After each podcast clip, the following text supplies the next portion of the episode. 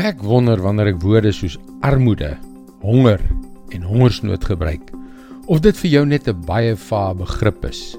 Iets wat jy op armlengte beskou en nog nooit ervaar het nie. Hm? Hallo, ek is Jockey Gouchee vir Bernie Diamond en welkom weer by Vars. 'n Paar jaar gelede het ek tydens 'n Christelike konferensie in Indië middagete geëet. Ek hou nogal van Indiese kos, maar toe die curry wat vir my gevoel het soos die 27ste warm curry in 1 week weer op die tafel verskyn, was my liefde vir curry totaal iets van die verlede. Die warm curry was nog erger vir my Kanadese kollega Bob. Daardie warm kos was vir hom pynigend.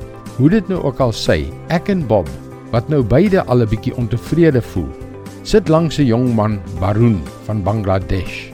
Hy was besig om sy kos met soveel smaak te geniet dat ons hom gevra het: "Wat eet jy tuis in Bangladesh?"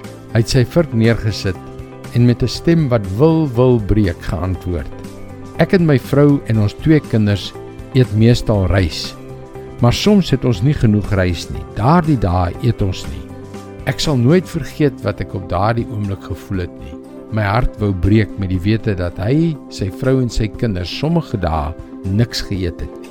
Tot op daardie oomblik was armoede vir my net 'n konsep, maar nou het dit vir my 'n menslike gestalte aangeneem. Nou was die leë magies van sy kinders vir die eerste keer in my lewe 'n werklikheid. Ons lees in Spreuke 28 vers 27.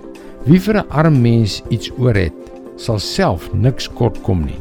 Maar wie ander pad kyk, sal baie verwensings hoor. Hierdie God, hierdie magtige God, het 'n sagte hart vir die armes.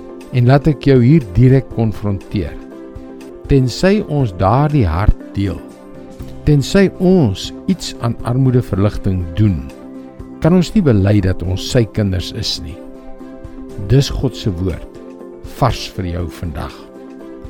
Soms moet ek en jy wakker geskit word. Moet ons uit ons gemaklike slaap wakker gemaak word. Omdat God ons nie roep om die armes net jammer te kry nie. Nee, hy het ons geroep om hulle radikaal lief te hê. En weet jy, as ons radikaal begin lief hê, word die radikale liefde van God daardie een ding waarna ons smag 'n werklikheid in ons lewe. Jy kan ook daagliks boodskappe soos hierdie per e-pos ontvang. Gaan na ons webwerf varsvandag.co.za en teken in. Luister weer maandag op dieselfde tyd op jou gunstelingstasie na nog 'n vars boodskap.